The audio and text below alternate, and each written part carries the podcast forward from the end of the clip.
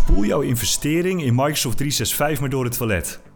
Ja, dat is hoe Willem Veenstra van Rocket Pilot zijn presentatie een tijdje terug opende. Hij is Microsoft-expert en adoptiespecialist en ik ben wel benieuwd, wat bedoelt hij met die uitspraak? Wat moet je precies met al die honderden Microsoft-ontwikkelingen?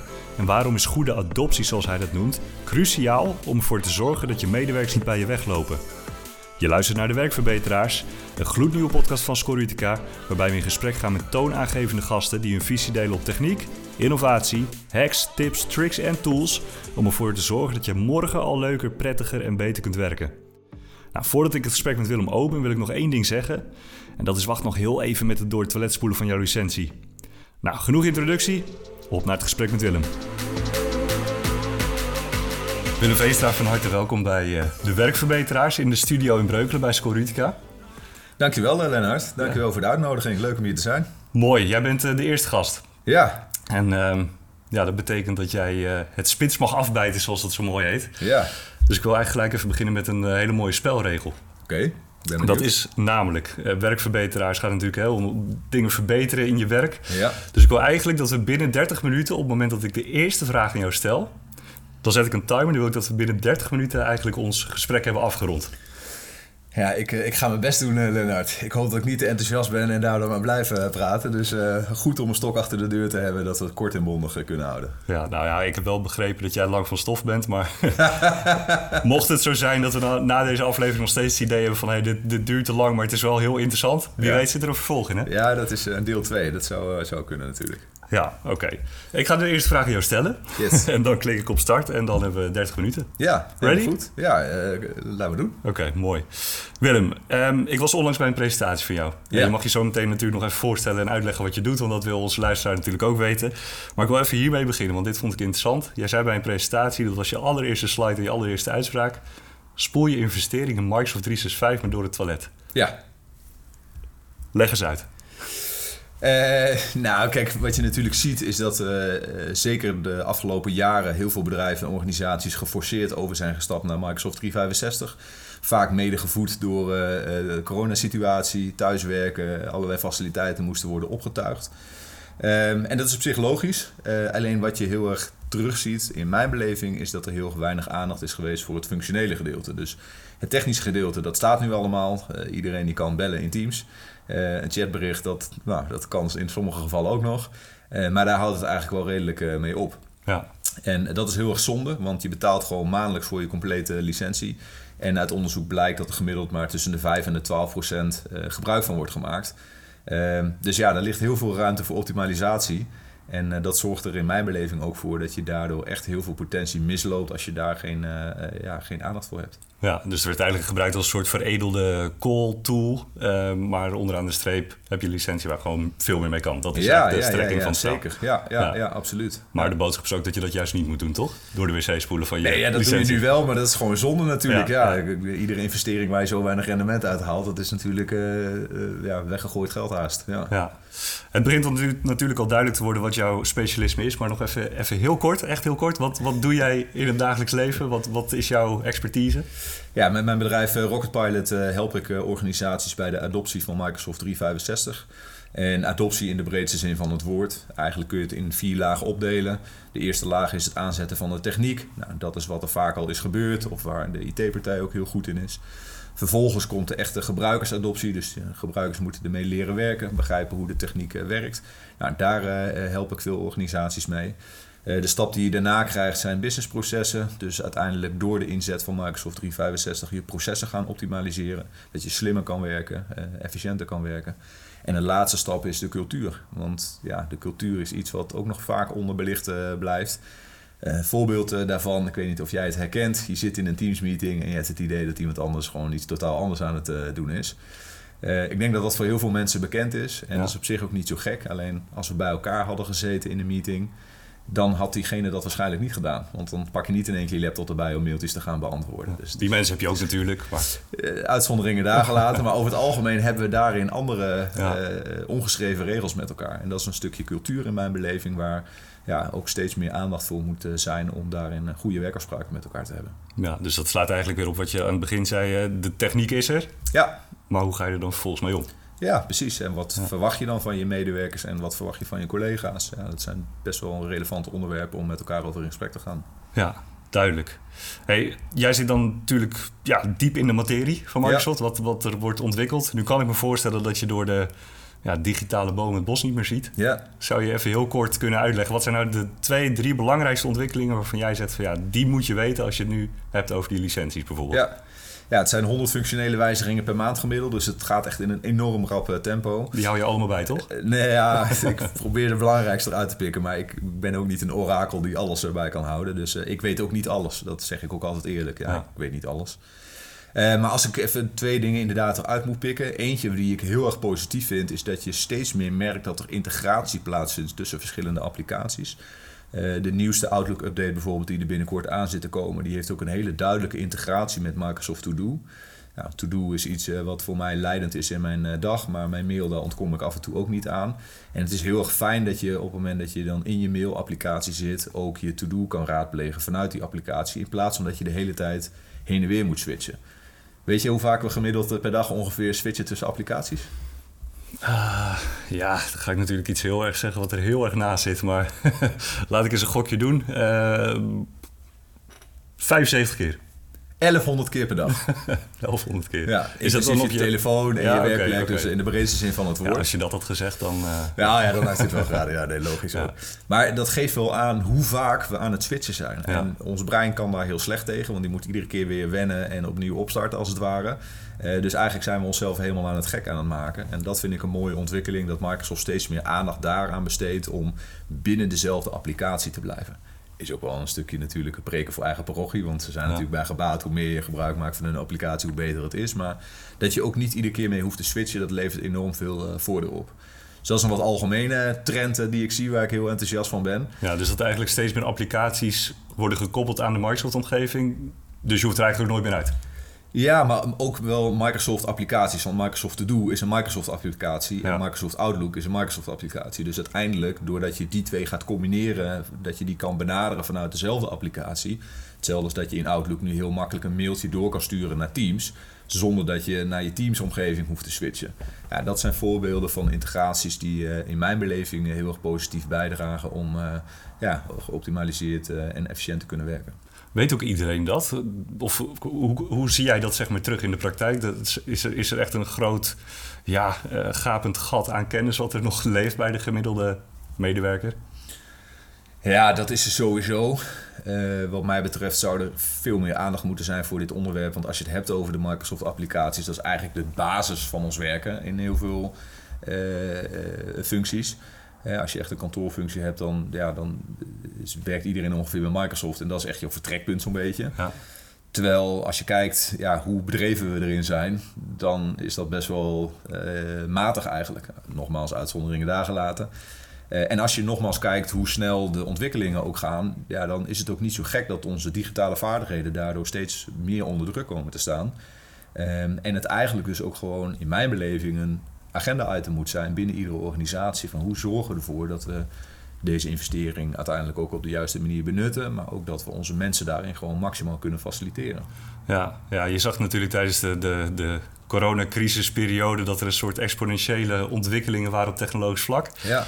Hartstikke mooi. Maar bij wie ligt die rol dan binnen een organisatie om dat te faciliteren? Ja, nou, het is wel grappig wat je zegt. Dat je eh, tijdens die periode in één keer die eh, enorme groei eh, zag. Uh, maar eigenlijk was die groei al lang ingezet. Alleen doordat de nood aan de man kwam en we in één keer op een andere manier moesten gaan werken, zijn heel veel organisaties juist versneld die transitie ingegaan. Dus waar normaal gesproken dat bij wijze van vijf jaar uh, zou duren, is dat nu in één keer in een hele korte termijn volle bak er doorheen gegooid. Dus het is op, zich ook niet gek dat daardoor wrijving uh, ontstaat en niet het maximale potentieel wordt benut. Um, maar dat is, ja, dat is wel gewoon een gegeven waar we mee te doen hebben.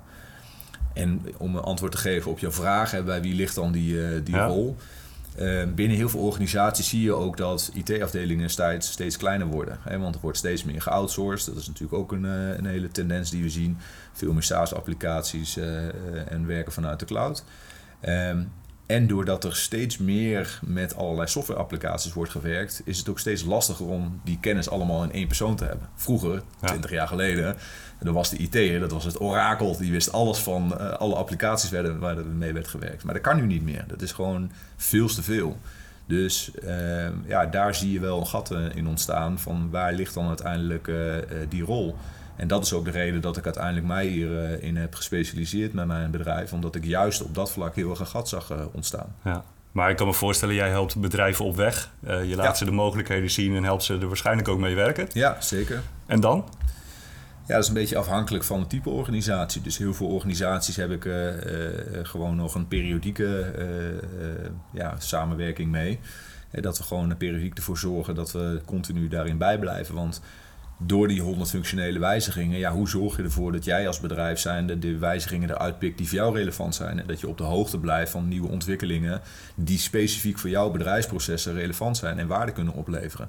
Ja. ja dat, dat blijft ook lastig. Dus het is wel heel erg fijn als je dan een soort coach hebt die je daarbij op weg helpt uh, en die jouw organisatie kent en die gewoon weet welke adviezen er goed aansluiten bij jouw behoeften. Ja, en uh, met wie zit je dan op tafel? Wat, wat is zeg maar de, de persoon met wie jij dat oppakt? Uh, dat varieert ook heel erg op welk vlak het zit. Hè. Ik, ik, zei net over die vier verschillende traders als het ware. kijk, als je het hebt over techniek en adoptie, dan is het heel erg IT. Heb je het bijvoorbeeld over cultuur, dan is het veel meer HR en directie. Ja. Uh, en hetzelfde geldt voor werkprocessen. Ja, dat, dat is vaak veel meer in een managementlaag in de organisatie uh, op afdelingsniveau. Ja, IT ligt niet meer alleen maar bij IT. Dat nee, is, uh, nee, nee, nee, nee, nee, nee, verre van. Ja. Ja. Je hebt nog twee belangrijke ontwikkelingen te noemen. Tenminste, ik heb er gevraagd om drie. Ja, ja, ja, ja, klopt. nou, wat wel heel grappig is, en dat is op veel kleiner niveau, is uh, ik denk dat het voor heel veel mensen wel herkenbaar is dat je s'avonds op de bank zit en dat je denkt, oh, er schiet er in één keer wat te binnen. Weet je wat, ik stuur mezelf even een mailtje. Ja. En dat je de volgende dag een reminder eh, voor jezelf hebt. Uh, Microsoft heeft daar iets nieuws in bedacht dat je nu in Microsoft Teams met jezelf kan chatten. Dus daarin kan je voor jezelf eh, bestanden delen, links delen, eh, een reminder inderdaad eh, naar jezelf sturen. Of misschien even een stukje tekst opmaken die je voordat je hem verstuurt even nog drie keer wil, wil overlezen. Dus eigenlijk een hele grappige ontwikkeling waar toch stiekem, toen ik dat laatst ook heb gepost op, op LinkedIn, veel mensen heel erg enthousiast op reageren. Dus het is toch denk ik voor veel mensen herkenbaar. Ondanks dat je natuurlijk ook gewoon notities in de cloud hebt, toch? Ja, dat, ja. ja, ja, klopt. maar dat is, dat is ook weer een voorbeeld daarvan. Dat je ziet dat iedereen die kiest zijn eigen werkwijze. Ja.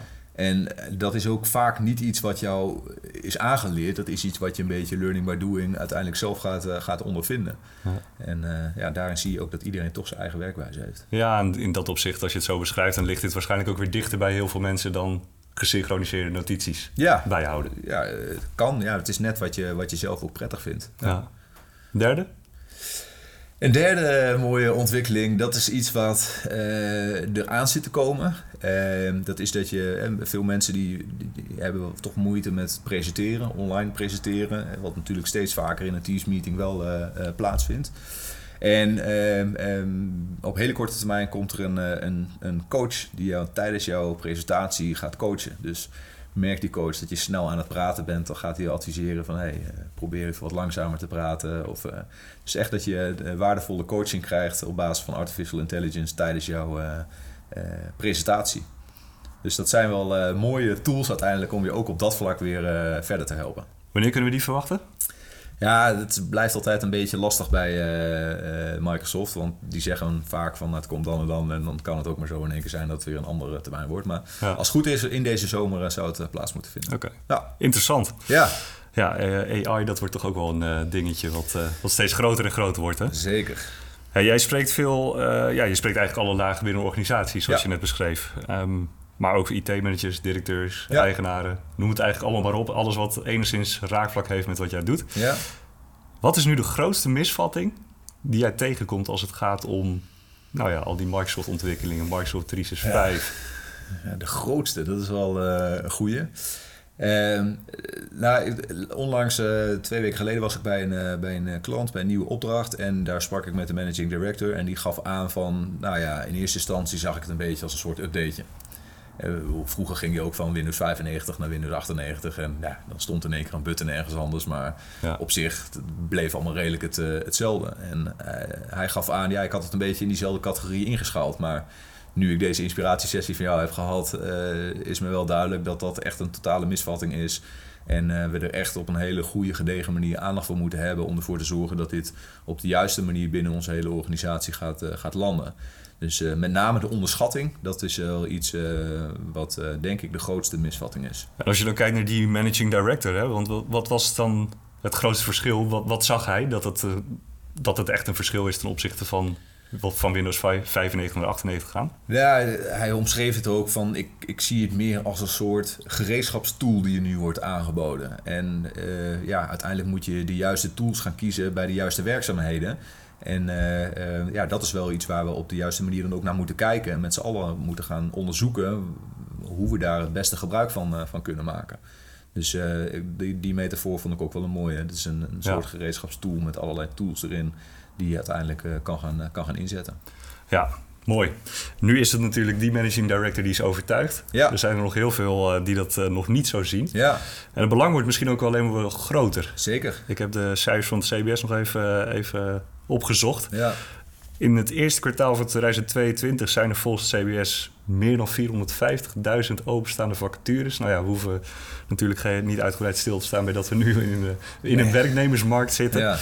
Ehm, ik denk dat elk bedrijf wel uitdaging kent op dat gebied. Maar ehm, welke rol speelt adoptie? Want dat, dat doe jij Ja. ook, hè? Adoptie van nieuwe IT-werkprocessen.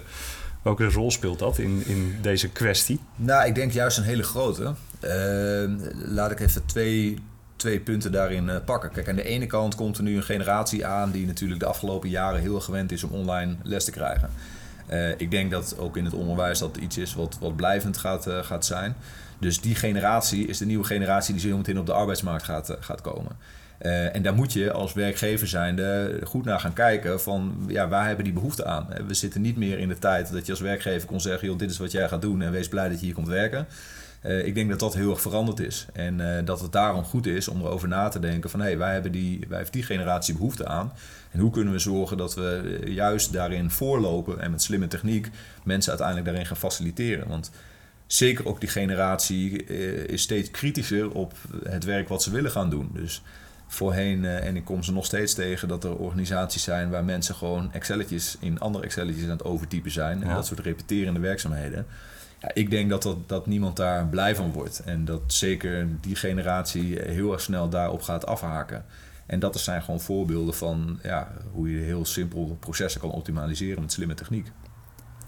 Dus dat is aan de ene kant eentje. Ja? Ehm, dus die generatie. En aan de andere kant eh, zit het ook heel erg op onze werkzaamheden. En dat ligt wel heel dicht bij elkaar, want dat is ook wel een beetje wat ik net eh, schetste. Ehm, kijk, op het moment dat je als organisatie zijnde gemiddeld vier uur per dag in eh, Outlook aan het werk bent, vind ik dat persoonlijk heel heftig. Ja. Ehm, en dan stel ik ook wel eens de vraag van, hè, zijn jullie op zoek naar mensen? Ja, nee, we zijn op zoek naar mensen.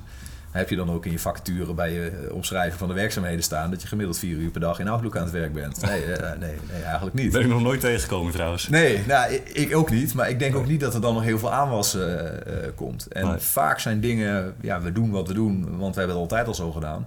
En ik denk dat dit juist ook een tijd is om daar heel kritisch naar te gaan kijken. Van, hé, ja, waarom doen we dat eigenlijk zo? En hoe kunnen we dat gaan optimaliseren? Ja, dus het zit ook niet alleen maar in die nieuwe generatie, maar ook, zoals je het beschrijft, gewoon in huidige werkprocessen. Als je dat niet verbetert, dan raak je mensen kwijt. Ja, ja, je het zo kunnen zeggen? Ja, zeker. En dat is natuurlijk ook wel een beetje het gevaarlijke aan deze tijd. Hè? Want onze manier van werken staat enorm onder druk. Alles wat tien jaar geleden normaal was, is nu in één keer niet meer normaal. Eh, manieren van werken, manieren van samenwerken, alles staat eigenlijk op de kop. Dus er gebeurt ontzettend veel. Vraagt ook veel van onze digitale vaardigheden. Maar aan de andere kant is het juist dan ook nu een mooi moment om kritisch naar dat soort processen te gaan kijken. Maar ja, hoe vaak gebeurt het dat er in een organisatie iemand is die met een afdeling gaat kijken van joh, ja, hoe werken jullie nou eigenlijk? En hoe kunnen we er nou voor zorgen dat we daarin optimalisatie gaan, eh, gaan zoeken en gaan vinden en gaan implementeren. Ja. Ja, daar is wat mij betreft echt eh, te weinig aandacht voor. ja. Het was een retorische vraag, toch? Want dat gebeurt bijna niet. Nee, klopt. Nee. Ja, Oké. exact. Hey, en ehm, wat riskeer je nou in de breedste zin van het woord als je niet die investeringen doet en kijkt naar het toepassen van nieuwe technieken, zoals Microsoft 365? Ehm, Nou ja, dat zijn nogal wat uh, dingen. Weet je, uh, Microsoft 365 biedt gewoon een hele hoop voordelen. Enerzijds op functioneel gebied, en dat is natuurlijk waar mijn specialisatie ligt. Anderzijds op technisch vlak. als je kijkt naar security, wat het enorm veel voordeel oplevert. Hoe ja, hacken is tegenwoordig aan de orde van de dag. Dus ja, je moet daarin gewoon bijblijven om ervoor te zorgen dat je gewoon veilig kan werken. Maar ook dat je aantrekkelijk blijft voor nieuwe mensen. En dat je ervoor zorgt dat uiteindelijk jouw bedrijfsvoering ook gewoon zo optimaal en efficiënt mogelijk verloopt. Want ja, hoeveel overleggen worden er op dit moment gepland om status-updates te gaan ophalen vanuit de organisatie? Ja, dat zijn allemaal verloren uren waar mensen niet blij van worden, waar heel veel tijd in gaat zitten. Ja, met slimme techniek kun je dat zo veel makkelijker invullen. Maar wil ik even een kleine uitdagende stelling uh, voorleggen. ja, ik ben benieuwd. Tenminste, ik vind hem zelf uitdagend als ik erover nadenk. Er is een tijdje terug een, eh, een soort ja, ontwikkeling geweest... dat steeds meer mensen zeiden van... nou ja, we hebben werknemerstekort... dus we moeten eigenlijk meer uren gaan werken. Er zijn veel parttimers in, uh, in Nederland. Is dan ook een oplossing om zodanig werkprocessen te optimaliseren... dat dat misschien niet eens hoeft... maar dat de processen gewoon beter zijn? Uh, of dat niet meer hoeft, dat weet ik niet, want dat is natuurlijk afhankelijk van de werkzaamheden. Maar ik geloof wel dat er een enorme wereld uh, te winnen is uh, op het gebied van procesoptimalisatie. Uren per dag? Uren, ja, ja, ja zeker. Per persoon. Ja, nou ja, het voorbeeld wat ik net gaf. Hè, hoe vaak wordt er wel niet een meeting gepland om status-updates en, en, en taakverdeling te gaan bespreken? Ja, in mijn beleving is dat niet nodig, want dat kun je gewoon in techniek kun je dat ondervangen. Op het moment dat je centraal ergens je taken ter beschikking stelt en iemand is klaar en die gaat naar de dashboard toe en die voegt een taak aan zichzelf toe ja, daar hoef je toch niet met z'n allen eh, over te gaan dimdammen en uh, weer een uur kostbare tijd in te gaan uh, investeren. Ja. Los van het feit dat heel veel mensen, en het exacte percentage weet ik even niet meer uit mijn hoofd, maar die hebben echt het gevoel dat ze zinloze meetings hebben. Nou, als je dan weer dat doorvertaalt naar wat voor effect dat heeft op mensen en wat het voor effect heeft op aantrekkelijkheid van jou als werkgever, ja, dat, dat, dat zijn dingen, daar moet je wel echt aandacht voor hebben in mijn beleving. Ja, ja. Duidelijk, jij, jij schopt tegen heilige huisjes aan, daar komt het eigenlijk op neer. Tegen gewoontes, uh, tradities binnen bedrijven. Nou, om het te verbeteren. Ja, ja, ja, dat is wel uh, waar, waar ik enthousiast van word. En niet per definitie om dan er tegenaan te schoppen, maar wel om dan uiteindelijk het resultaat te bereiken. Ja. ja. Het is leuk dat je dat zegt, enthousiast worden van. Want adoptie en dingen veranderen, dat kan ook tot heel veel weerstand leiden. Dus Zeker. waar jij heel enthousiast van wordt, ja. kan misschien die ene medewerker of die groep medewerkers binnen een bedrijf volledig met de hakken in het zand gaan. Ja. Hoe ga je daarmee om? Ja, dat blijft een uitdaging. Want uh, als je met twintig mensen wil veranderen, ja, dan gaat niet iedereen op dezelfde manier uh, daarin, uh, daarin mee. Wat mij heel vaak opvalt, is dat verbeterprocessen leiden tot frustratie. 70% van de verbeterprocessen leidt tot frustratie. 70%? Ja, dus dat is echt een extreem percentage als je het mij vraagt. Dus 70% wordt dan eigenlijk gewoon niet goed aangepakt? Uh, nou ja, dat is dan een uh, oorzaak en gevolg. Ik denk inderdaad dat dat dan de oorzaak uh, ervan is. Ja.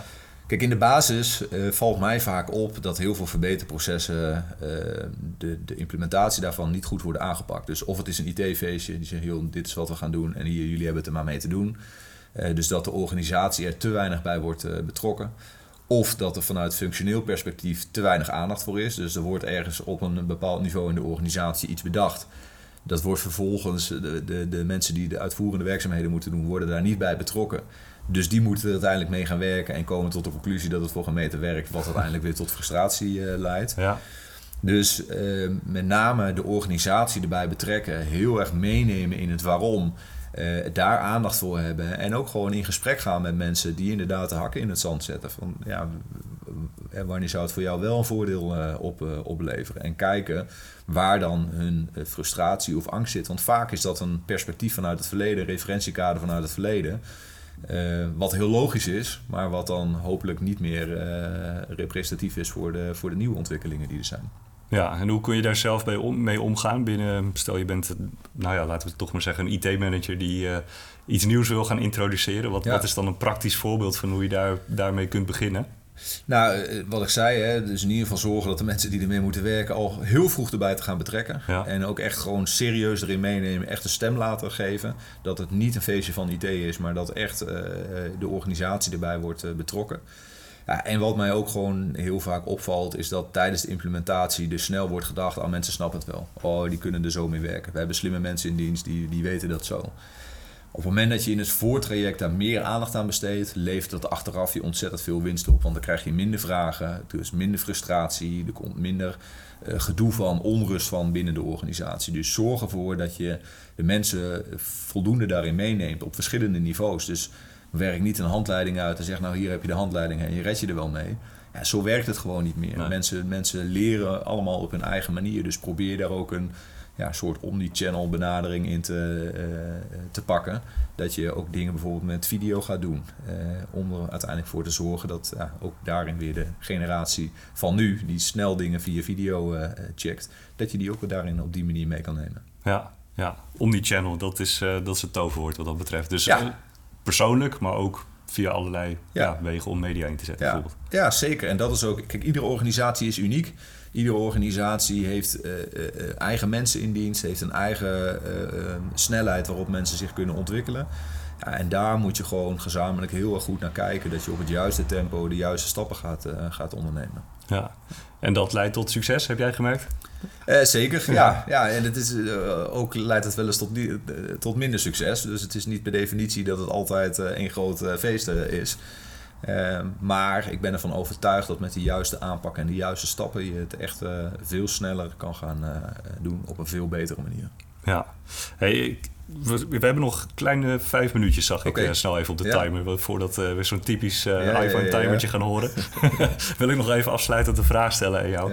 Um, eigenlijk heeft het alles wat je vertelt heeft te maken met nou ja, huidige ontwikkelingen nieuwe technologische ontwikkelingen doorvoeren, veranderingen, processen, noem het allemaal op. Wat, dat heeft eigenlijk allemaal te maken met digitaal fit zijn. Toch? Zo omschrijf jij het zelf ook. Ja, ja, ja. ja. Wat zijn nou drie praktische stappen, daar is die weer drie, ja. die, die, je morgen al kunt zetten, na het luisteren van deze podcast natuurlijk, um, om iedereen in de organisatie digitaal fitter te maken? Ja.